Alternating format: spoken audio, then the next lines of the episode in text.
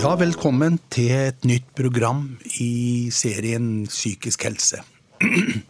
I dag hadde jeg tenkt å snakke om pårørende og pårørendes situasjon, pårørendes roller. Eh, og pårørende, da snakker vi om mammaer, pappaer, sønn, datter, bestemor, tante, bestefar, onkel familien rundt, nettverket.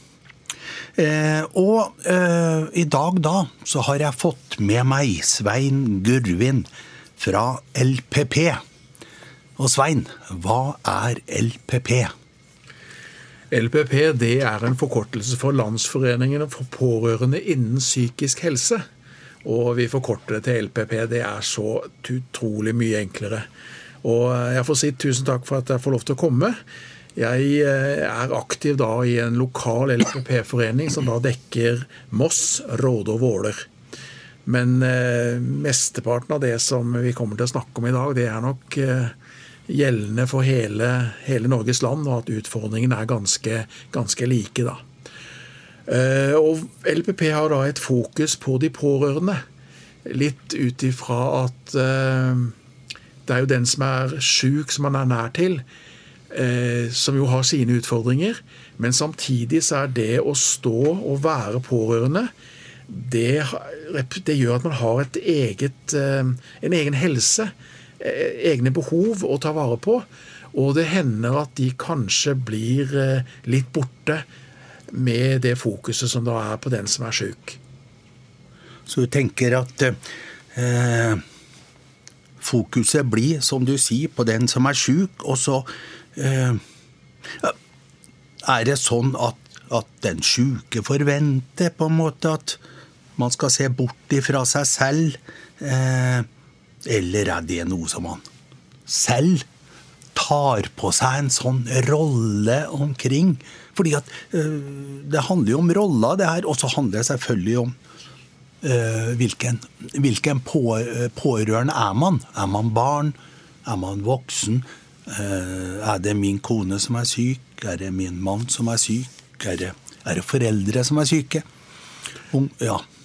Ja, ikke sant. Og eh, kanskje man skal starte med å tenke seg at det er en som har blitt syk.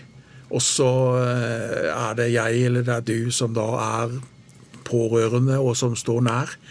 Jeg tror ikke vi er så opptatt av akkurat pårørende eller hvilken rolle vi har i det øyeblikket der. Men det er et sjokk, det er en overgang. Det er hva gjør jeg? Det er en kombinasjon av, eh, av følelser som gjør at uh, det er så vanskelig. Uh, det er ingen som går rundt og er klar til å få en, en, en sjuk i sin nærhet, og absolutt ikke psykisk syk. Det er liksom så mange tanker som kommer opp. Hva gjør jeg? Hva, og hva, Kanskje er det at man da ikke vet hva man skal gjøre, og derfor gjør man alt det man kan. Nesten i alle retninger. Og at det er litt av utgangspunktet. Sånn at eh, det å ha noen steder å henvende seg, det å kanskje skaffe litt kunnskap, eh, finne ut hva er det man da kan gjøre for å være nyttig. Det kan hende at det tar litt tid før man er klar for å, for å være konstruktiv. Til å begynne med så er man i sjokk og i, eh, i jeg, skal ikke, jeg, vet ikke om jeg skal si ørska, men eh, det er i hvert fall veldig vanskelig å vite hvor man skal begynne hen. Det var ikke sånn det var tenkt, sier en del. Faktisk en del, var en som sa en gang, en dame, at det var omtrent som Jeg bestilte meg reise til Syden. Eh, og så pakker jeg i forhold til at jeg skal ned til Spania, godt og varmt. Og så kommer jeg på flyet og plasserer meg, og flyet tar av. Og så hører jeg kapteinen si 'velkommen til vår reise til Svalbard'. Ikke sant? Ja. Ja, ja ikke sant. Og, det, og, og det, når man da ting begynner å gå opp, så, så kan man jo tenke 'hva galt har jeg gjort'?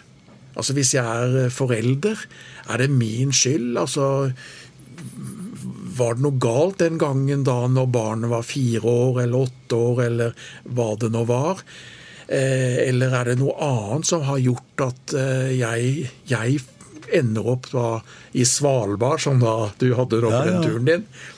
Eh, og det med, med, å skylde på seg selv, altså skyldfølelse, det er noe som mange kan liksom tenke på.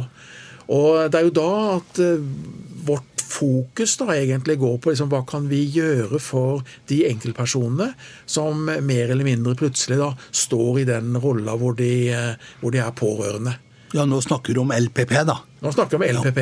Ja, jeg hoppa kanskje litt fort dit. Nei da, men flott. men, men eh, du starta også, eller du sa også noe med liksom hvilke roller man har og sånn. og det, det går nesten an å si at uh, uavhengig av hvilken rolle du, du har, eller som far eller bror eller hva det måtte være, så vil det alltid være slik at uh, man uh, for å kunne hjelpe må kanskje loses litt på veien. Og få litt hjelp akkurat i den, de overgangene hvor, hvor man oppdager at man er, er i den rolla. Og hvis det er noen som er veldig nær, så er det jo utrolig mange roller man har. Vi vet om mange, eller vi har mange eksempler da, på på foreldre som da får syke barn, og hvor de syke barna da blir eh, etter hvert voksne og har faktisk sin lidelse fortsatt. Og hvor man skal hjelpe til med bosituasjon, med økonomi, med jobb, med utdanning, med Nav. Det er ganske uendelig hvor mye man da kan ta tak i. Og det er i de situasjonene der at man kanskje glemmer seg selv, og glemmer å ta vare på seg selv. Og siden du starta med litt sånn fly, flymaskin, flyreise, så kan man sammenligne dette her med når du får vite at hvis det blir en, en situasjon på flyet hvor da oksygenmaskene kastes ut, eller altså slippes ned, så skal man alltid ta på oksygenmasken til seg selv før man hjelper andre. Og overført til eh, det typiske situasjonen for pårørende er at de hjelper alt det de kan, og de bryr seg lite om den maska. Ja. Det, så det bildet her kan egentlig være litt at vi som forening vi tenker at hva kan vi gjøre for at folk skal få, få den hjelpa, den håndstrekningen, som kan ligge da i å få oksygenmaska før man hjelper. Ja, for det var en som sa en gang uh, en må lære seg til å si nei. Rett og slett. Ja. Og det, det også er jo en sånn tema på veldig mange av den type medlemssamlinger som vi har, og også når vi diskuterer, med, diskuterer pårørendes eh, hva skal jeg si, utfordringer. Hvordan skal man da eh, si nei? Og hva kan være alternativet? Fordi at man kan jo føle at eh, noen andre burde ha stilt opp. Det kan jo være at, eh, at helsevesenet ikke innfrir de forventningene som man har.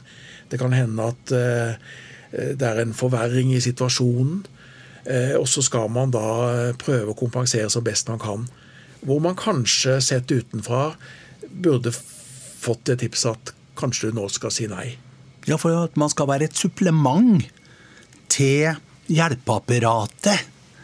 Skal ikke, hjelpeapparatet skal ikke være et supplement til, til de pårørende eller til den familien som har kommet i den situasjonen, eller vært i den situasjonen lenge òg, eh, at man på en måte har en, en psykisk syk, eller psykisk sykt medlem, eller medlem som er psykisk sykt. Jeg opplever det det er viktig å, å skille på de to. Ikke sant? ja. For at rett og slett Det er jo eh, Det er en, en som har hatt mye historie før, kanskje, eh, med gode ting, og så plutselig har det skjedd noen ting. Og det er, det er bare en del av den, den som har blitt psykisk syk. Man er ikke sin sykdom, som en del sier. Ja, ikke sant. Og alt dette her er, er eh, kjent og, og, og, vanskelig. Fordi at eh, eh, når man får et familiemedlem som da blir, eh, blir, syk, så vil man jo gjerne kompensere for den sykdomsdelen. Eh, og litt sånn objektivt sett så ville det vært kanskje mye lurere om man hadde fokusert på den friske siden hos den personen som har fått en psykisk lidelse. Men det er, ikke, det er ikke sikkert at man har overskuddet til å få det til. Nei. Så det er da det er eh, greit å faktisk si nei og si hva, hvordan skal jeg ivareta meg sjøl. Og eh, han som da heter eh, Per Anders Nordengen, en kåsør og prest og litt av hvert, han eh, sier jo ofte knytta til sorg at eh, det er viktig å gi sorgen et rom. Gi sorgen et rom i huset. Men sørg for at det er dør i det rommet, og av og til så skal du lokke en døra til det rommet, og absolutt ikke la sorgen få resten av huset. Og overført dette her med, med psykisk uh, uhelse og det å være nærstående noen som har det, så kan det være lurt at man faktisk eh, sier nei og tar vare på seg selv og gjør ting som, uh, som er bare til egen hva skal vi si, balsam for sjelen og gjør ting som man har selv glede av. Alt fra kultur og, og, og turopplevelser og, og, ikke minst det sosiale. For eh, det går jo kanskje an å, å ha et bilde som følger at eh, en psykisk lidelse det er et direkte angrep på ditt sosiale liv. Og når man da sitter som pårørende, så er det et indirekte angrep på ditt sosiale liv. Så eh, hvis da man har hatt et, vært aktiv på mange områder, så er kanskje det sosiale det som eh, blir først skadelidende for den som er pårørende også. Ja. Så det er noe der som, eh, som eh, kan være krevende, fordi at jeg må jo gjøre alt det jeg kan. Og jeg må gjøre det beste for at jeg skal kunne stille opp for den jeg, som jeg er nær til. Ja, og jeg, jeg må kanskje oppgi en del av meg selv òg. Eh, og så plutselig så kommer den aha-opplevelsen av nå, for at jeg skal klare det her, så er nok det beste, sånn som du sier i forhold til denne flyturen, da, at jeg må sørge for at jeg får nok oksygen oppi dette her til å kunne stå igjennom det. Og det er nok det beste for alle sammen. Eh, og der er jo det spennende. Sant? jeg, jeg har jo jobba en god del i forhold til familier hvor den ene har blitt syk, eh, og, og, og hvor barna har stilt opp eh, nå. Alt handler om hvordan mamma eller pappa har det.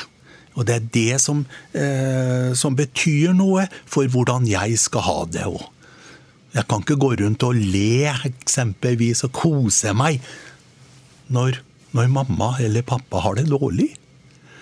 Eh, så ja, det er vanskelig, den der. Og hvordan, hvordan skal man komme dit hen at en ser at nå må jeg skjerpe meg, om man kan si det sånn. Jeg vet ikke om det er et godt begrep å skjerpe seg, men likevel.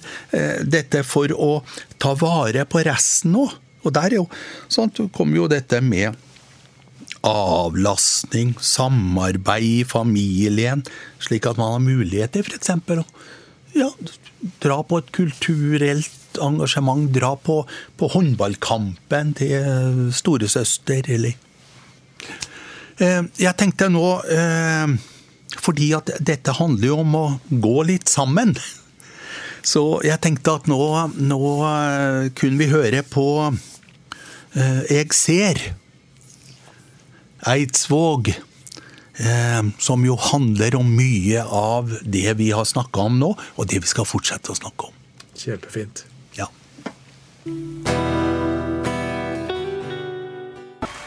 Eh, jeg tenkte jo det er et naturlig begrep også, tenker jeg jo når jeg, når jeg snakker om barn nå. Dette med barn er veldig lojale mot sine foreldre. Veldig lojale mot de eh, som er i familien min, og jeg kan tenke meg at den lojaliteten blir enda sterkere eh, når man har en mamma eller pappa eller storebror, lillesøster, som sliter med eh, en psykisk lidelse. Og lojalitet, hva tenker du om det begrepet? Lojalitet er eh, flott, og så kan det ha sin pris. Og eh, i forhold til psykisk sykdom, f.eks. hvis et av barna i en familie er, er blitt syk, så vil det bli veldig mye oppmerksomhet dit. Og all oppmerksomhet krever energi, og da kan det hende at det ikke er så mye energi og oppmerksomhet igjen til de som da ikke er syke. Ja. Og det kan være, det kan være tøft å, å, kreve oppmerksomhet. Det kan være tøft å snakke om det. Det er noe med, med skam oppi det også. Man er, skal ikke være så gamle, gamle jenta eller gutten før man eh, skjønner hva som er eh, stas, og hva som er skammelig. Så eh, det er eh, nok viktig at man eh, er klar over hvilke belastninger som kommer til de som tilsynelatende klarer seg fint. Ja, det å klare seg fint, ja. Noen ganger så betyr vel det at man lar være å ta seg selv på alvor òg. Ja. ja. Det Og i forbindelse med psykisk sykdom så er det jo alle, alle, fagfolk, alle miljøer, sier jo at det er jo viktig å sørge for at eh, barna får noen begreper, at de får kunnskap, at de får eh, en type sannhet eh, om tingenes tilstand. Men at det er tilpassa, slik at eh, barna kan akseptere det. Og barn er jo ganske flinke til å tåle og særlig hvis de blir tatt alvorlig og får lov til å, å reagere og kanskje også avreagere på en god måte. Ja. ja. Nå har vel alle sykehus, alle avdelinger, eh, de har fått eh, en barneansvarlig. Eh, og det er jo en som har ansvaret for å snakke med barn. I begynnelsen handla det om å informere barn, sa de. Mens mm, det støter mot noe hos meg. Man skal ikke informere barn, man skal snakke med barn. Eh, om, om, situasjonen. Sant? Pent ord er jo sånn psykoedukativt oppi det òg. Um, uh, fortelle en del om denne, denne lidelsen, eksempelvis. Eh, og, og, og være åpen for på en måte å høre litt hva, hva, tenker barna om dette? Akkurat det samme som en voksen skal jeg si også. Sånn, jeg husker det var ei jente som kom og sa at øh, jeg snakka med en sykepleier på, på avdelinga, og, og, da sa sykepleieren at uh, mamma var, var uh, manisk depressiv. Ja, bipolar snakker man om nå. Men så fortalte hun ikke noe om hva betydde noe det. Og ikke minst, hun spurte ikke og, og, og hjalp meg ikke til å få svar på de spørsmålene. Um, hvordan skal jeg forholde meg til det, f.eks.? Når mamma kommer hjem, hva skal jeg gjøre da? Skal jeg gå på eggeskall? Skal jeg, Eh, og hvis mamma begynner å bli eh, Ja, få noen av de symptomene som jeg hadde før jeg ble innlagt forrige gang, hva hva skal jeg gjøre da? Ikke sant? Og eh, det ville jo vært fint også om dette barnet hadde, hadde fått spørsmål. liksom, hva, hva, hva, tenker du fremover? Hvordan har du det? Hva er det du har lyst til? Eh, fordi barnet ser jo da noen begrensninger og kanskje ikke så mange muligheter når man ser all den oppmerksomheten som, og energien som går med til den som er sjuk. Ja. Så, så, eh, men, men altså, og jeg tror også at barn ved å bli tatt uh, alvorlig og bli sett på en, på en, riktig måte, og som du sier så fint, blir snakka med. Ja. Og da er det ikke så sikkert at uh, man behøver være så nøye med, med, fakta. I den forstand at man behøver ikke uh, forklare alt helt ut. Det holder egentlig med å, å si noe som ikke er usant. Eh, og dette kan jo høres ut som man skal drive og manipulere barnet, men hvis, hvis de får vite at eh, mamma er syk, og en av eh, konsekvensene eller noe av det som skjer da, det er f.eks. En, en mindre konsentrasjon på det og det, og at hun kanskje ikke klarer å gjøre de og de tingene. Så kan det faktisk være nyttig og brukbar informasjon for barnet. Så kunne man jo som voksen si at ja, men det er jo så mye mer. Jo, men ta det ved en annen anledning. Så det å snakke med og, og møte dem med det behovet de har der og da, det er en, et, et, veldig godt skritt å ta. Snakk med barn, ikke snakk til barn. Og så er det, Jeg har alltid hatt en sånn kjepphest rundt dette med at eh, Fantastisk viktig at vi husker på at vi har to ører og bare én munn. Også når vi snakker med barn. Eh, det vil si å, å, høre ut. Jaha, sier du det? Fortell meg mer om det. Eh, hva, hva, hva tenkte du da? Hva tenker du når jeg sier dette her? Og, og så lytte ut. Slik at det ikke blir sånn enveiskommunikasjon, og man føler dette er ubehagelig. Eh, det, men dette tenker jeg jo, dette handler ikke bare om barn, dette handler jo også om, om voksne. Du brukte jo begrepet sjokkfasen. Eller man er, man er i sjokk. Mm. Eh, og, og hva hva kommer dette til å bety for resten av livet vårt? Hva kommer dette til å bety for meg? Hva kommer dette til å bety for min kone eller mann? Hva, hva kommer dette til å bety for, for, eh, barna? Hva kommer dette til å bety i forhold til turen som vi har planlagt til til, eh, til Svalbard? Ja, ja, det var ikke tanken om Svalbard. Tanken var jo på en måte at vi skulle dra til Galapagosøyene og følge opp. Ja, og, og, det er jo kanskje litt av de reaksjonene som, som, kan komme rundt omkring, det er at eh, folk på et vis bagatelliserer en sånn situasjon som er når den er ny og fersk. Ja, det går jo over, og en vil jo få hjelp, og, og sånn og sånn.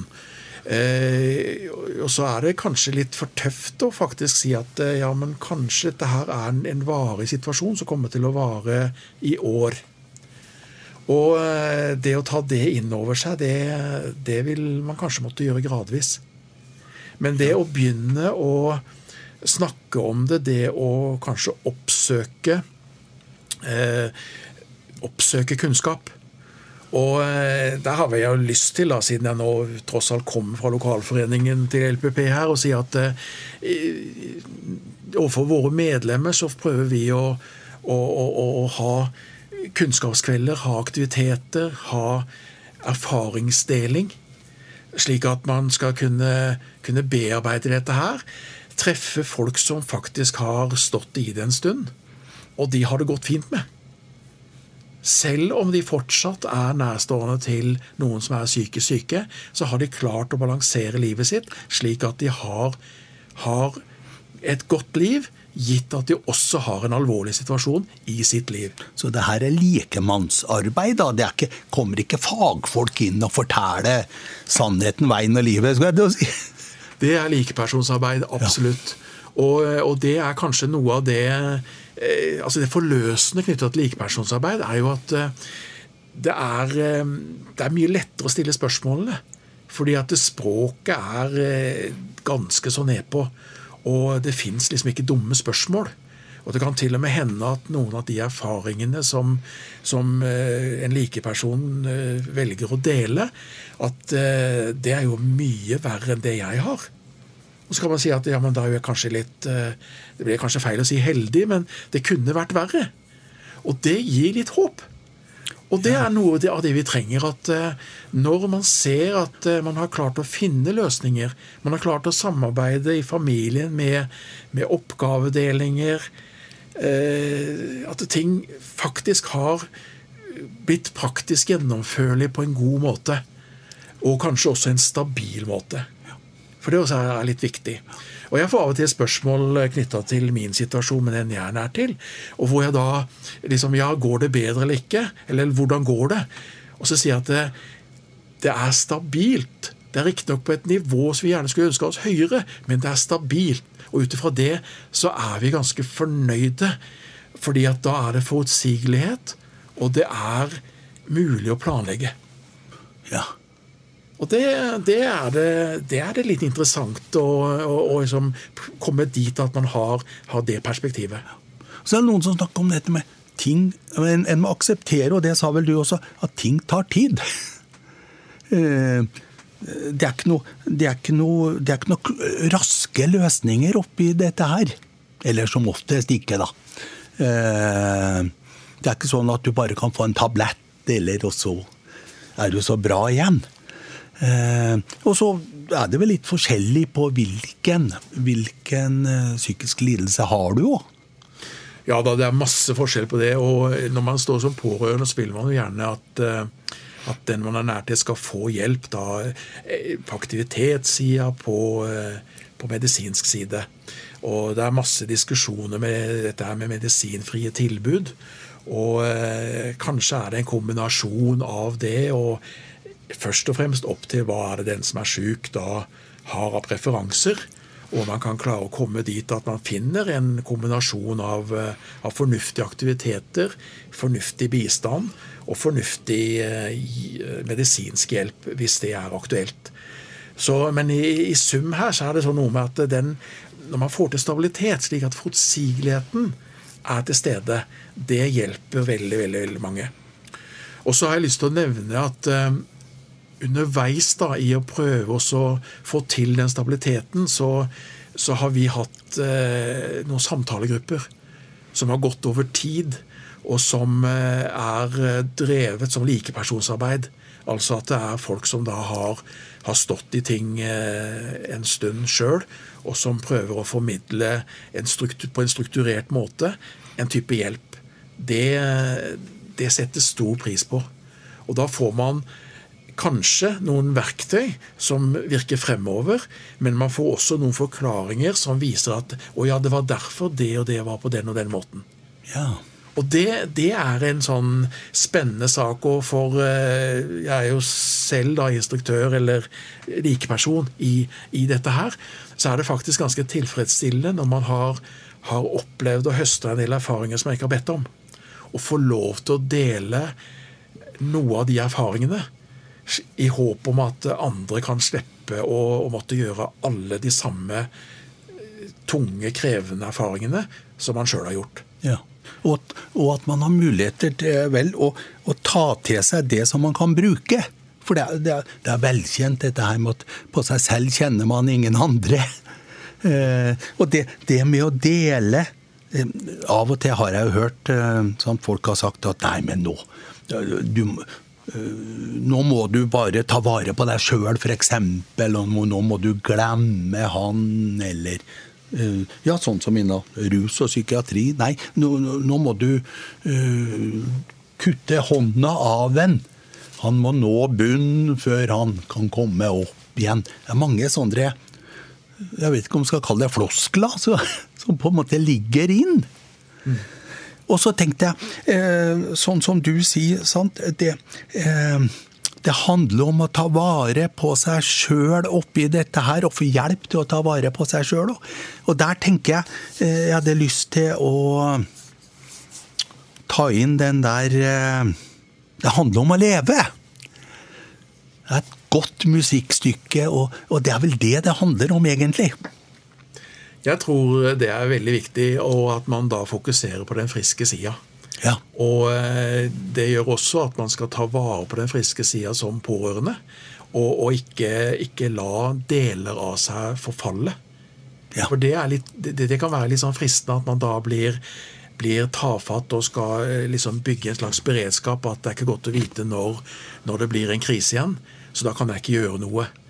Men eh, det å gjøre de tingene som gjør godt, og, og faktisk eh, prioritere det og Jeg er opphengt litt i dette med prioritering. Veldig mange tenker at prioritering er å lage ei liste. Men det det handler om, det er at det skal gå på bekostning av et eller annet. Du må si nei til noe for at du skal kunne si ja til noe. Ja.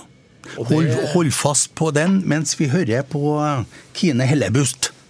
Det handler om å leve. For det er jo akkurat dette tenker jeg vi skal ta tak i. Det handler om å leve. Og det er jo viktig, og det har vi snakka litt om nå. Men så eh, jeg har lyst til å komme inn på av og til så, så går det jo ikke så veldig godt. Av og til blir det, eh, blir det tøft, og det er vonde perioder. Mange av disse psykiske lidelsene de, de går jo litt opp og ned.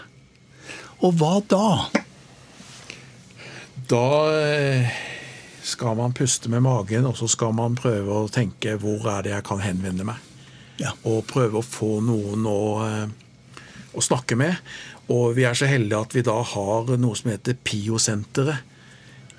Som holder til i Oslo. Det er altså Pårørendesenteret i Oslo, er forkortet til PIO. Og der kan man henvende seg og få litt hjelp til å hvor skal, man, hvor skal man henvende seg? Hva skal man gjøre? Og én ting er jo å, når da den som er sjuk, eh, at det går opp og ned der, så er det jo eh, det ordinære kanskje 113 som man skal ringe for å få hjelp. Men eh, som pårørende så har man mange, veldig mange dilemmaer. Og PIO-senteret de har en, en vakttelefon som man kan ringe, og som er kanskje nyttig, og jeg, jeg, kan jo reklamere for den mer enn gjerne. Det er telefonnummer 2152 53 53. Og den dekker hele Norges land. Hvis eh, man da er der at eh, ok, er det noen i mitt eh, nærmiljø som, eh, som, jeg kunne henvendt meg til, litt eh, Ikke sånn noen sånn sentral sak, men og jeg trenger ikke hjelp akkurat i dag så er det mulig å nøste opp på LPP sine hjemmesider og finne ut at der er det 30 lokallag rundt omkring. Og de har aktiviteter som, som typisk har i seg eh, dette med kunnskapstilførsel og erfaringsdeling. Og det kan være, være veldig nyttig. Det er litt som i en del andre si, fellesskap. At når man da kommer der og de du kommer til, de veit at du er pårørende, så vet de ved det veldig mye om hvordan du har det. Eller hvordan du kan ha det. I alle fall så har de i hvert fall en forståelse eh, som kan være nyttig å bli omfavna av, eller omfattet av, hvordan man skal si det. Så det gjør at vi da i, i sånne sammenhenger faktisk kan ende opp med å, å ha en eh, litt sånn uforståelig, kanskje, men dog galgenhumor på en del ting. Og det er ganske befriende. Ja. Og det å slippe å ende opp med å måtte forklare så mye hele tida, også litt sånn viktig eh, for å ta opp igjen energi. Og kanskje er det en sånn type påfyll som kan gjøre at man får den lille energien som gjør at man får flere gode dager. Flere overskuddsdager. Galgenhumor. Kan man, kan man, kan man spøke om noe så alvorlig, da? Du vet at det er jo eh, slik at eh, når man er en del av, eh, av galgengrunnlaget, så kan man fleipe om det. Ja. Det er, jeg er en relativt røslig kar og, og, og har mine kilo å bære på. Eh, jeg blir jo sur hvis du fleiper med dem, men eh, hvis jeg fleiper med dem først, så kan gjerne du fleipe litt etterpå. I hvert fall en liten stund. Og da kan vi le begge to. Sånn at eh, galgenhumor den tror jeg vi skal bare omfavne når, når det passer sånn. Men ja. i det ligger ikke at vi skal latterliggjøre noe som helst, for dette her er, dette er ramme alvor. Men sikkerhetsventilene våre, de må vi, vi må verne litt om de også. Ja. Og i disse gruppene sånn, Nesten den der eh, What happens in this group stays in this group. Ja, men det er viktig å ja. si. Og fordi at eh, den der selvpålagte Jeg vet ikke om jeg skal kalle det for taushetsplikt, men den selvpålagte eh, Hva skal vi si Vern om fortrolighet, den tror jeg er, er, er viktig. Og, og den, er, den, er, enkel å bare anmode om å få.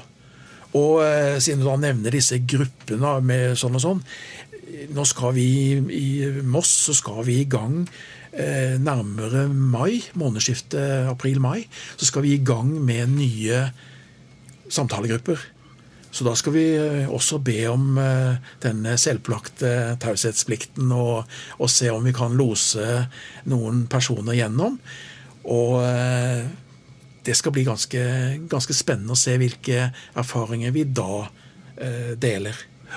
Og på LPP sin, sin eh, nettside, der, der, kan man kanskje finne eh, grupper eller tilbud. Selv, om, ja, selv hvor man er hen i landet. Absolutt. Og noen steder har man vel pårørendesenter òg. Kom i gang med det. Det stemmer, og eh, jeg vil veldig gjerne snakke veldig pent om Pårørendesenteret rundt omkring. Og vi har bl.a. et pårørendesenter i, Fredrikstad som er ganske aktive. Og det er mye man kan, kan få hjelp til. Men utfordringen kan være å finne hjelpa på riktig tidspunkt. Så jeg har jo et ønske ja, om at, at, ganske mange skal, skal huske på det man hørte for en stund siden, f.eks. om om LPP eller pårørendesenter, og, og tipse de som man ser strever. Ja. For det, det, kan være veldig ok å bli sett, faktisk, eh, i den situasjonen da, hvor man har, har, utfordringer. Ja, for det er ikke flaut, på en måte, å, å være pårørende. Men en del snakker jo om at det, Jeg føler av og til sånn skamfullhet. Og del, snakka med en del eh, pasienter og så, så jeg skulle ønske at jeg hadde brukket beinet istedenfor så jeg kunne ha fått gips.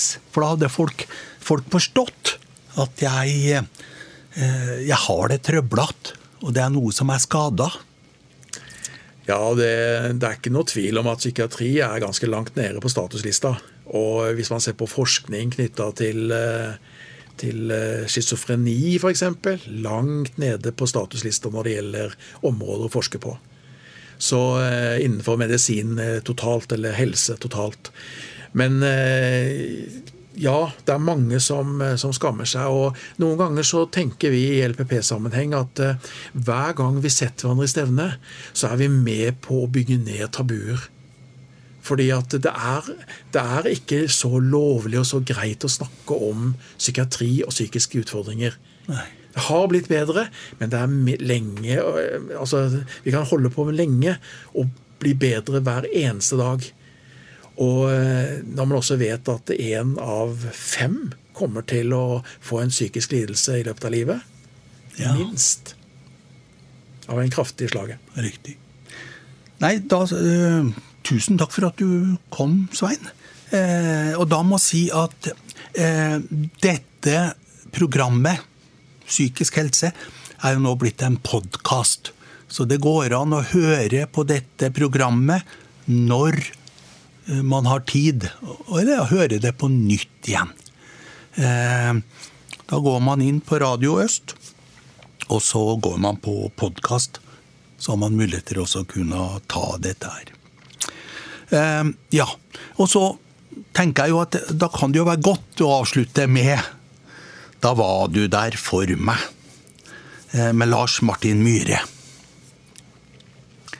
Tusen takk.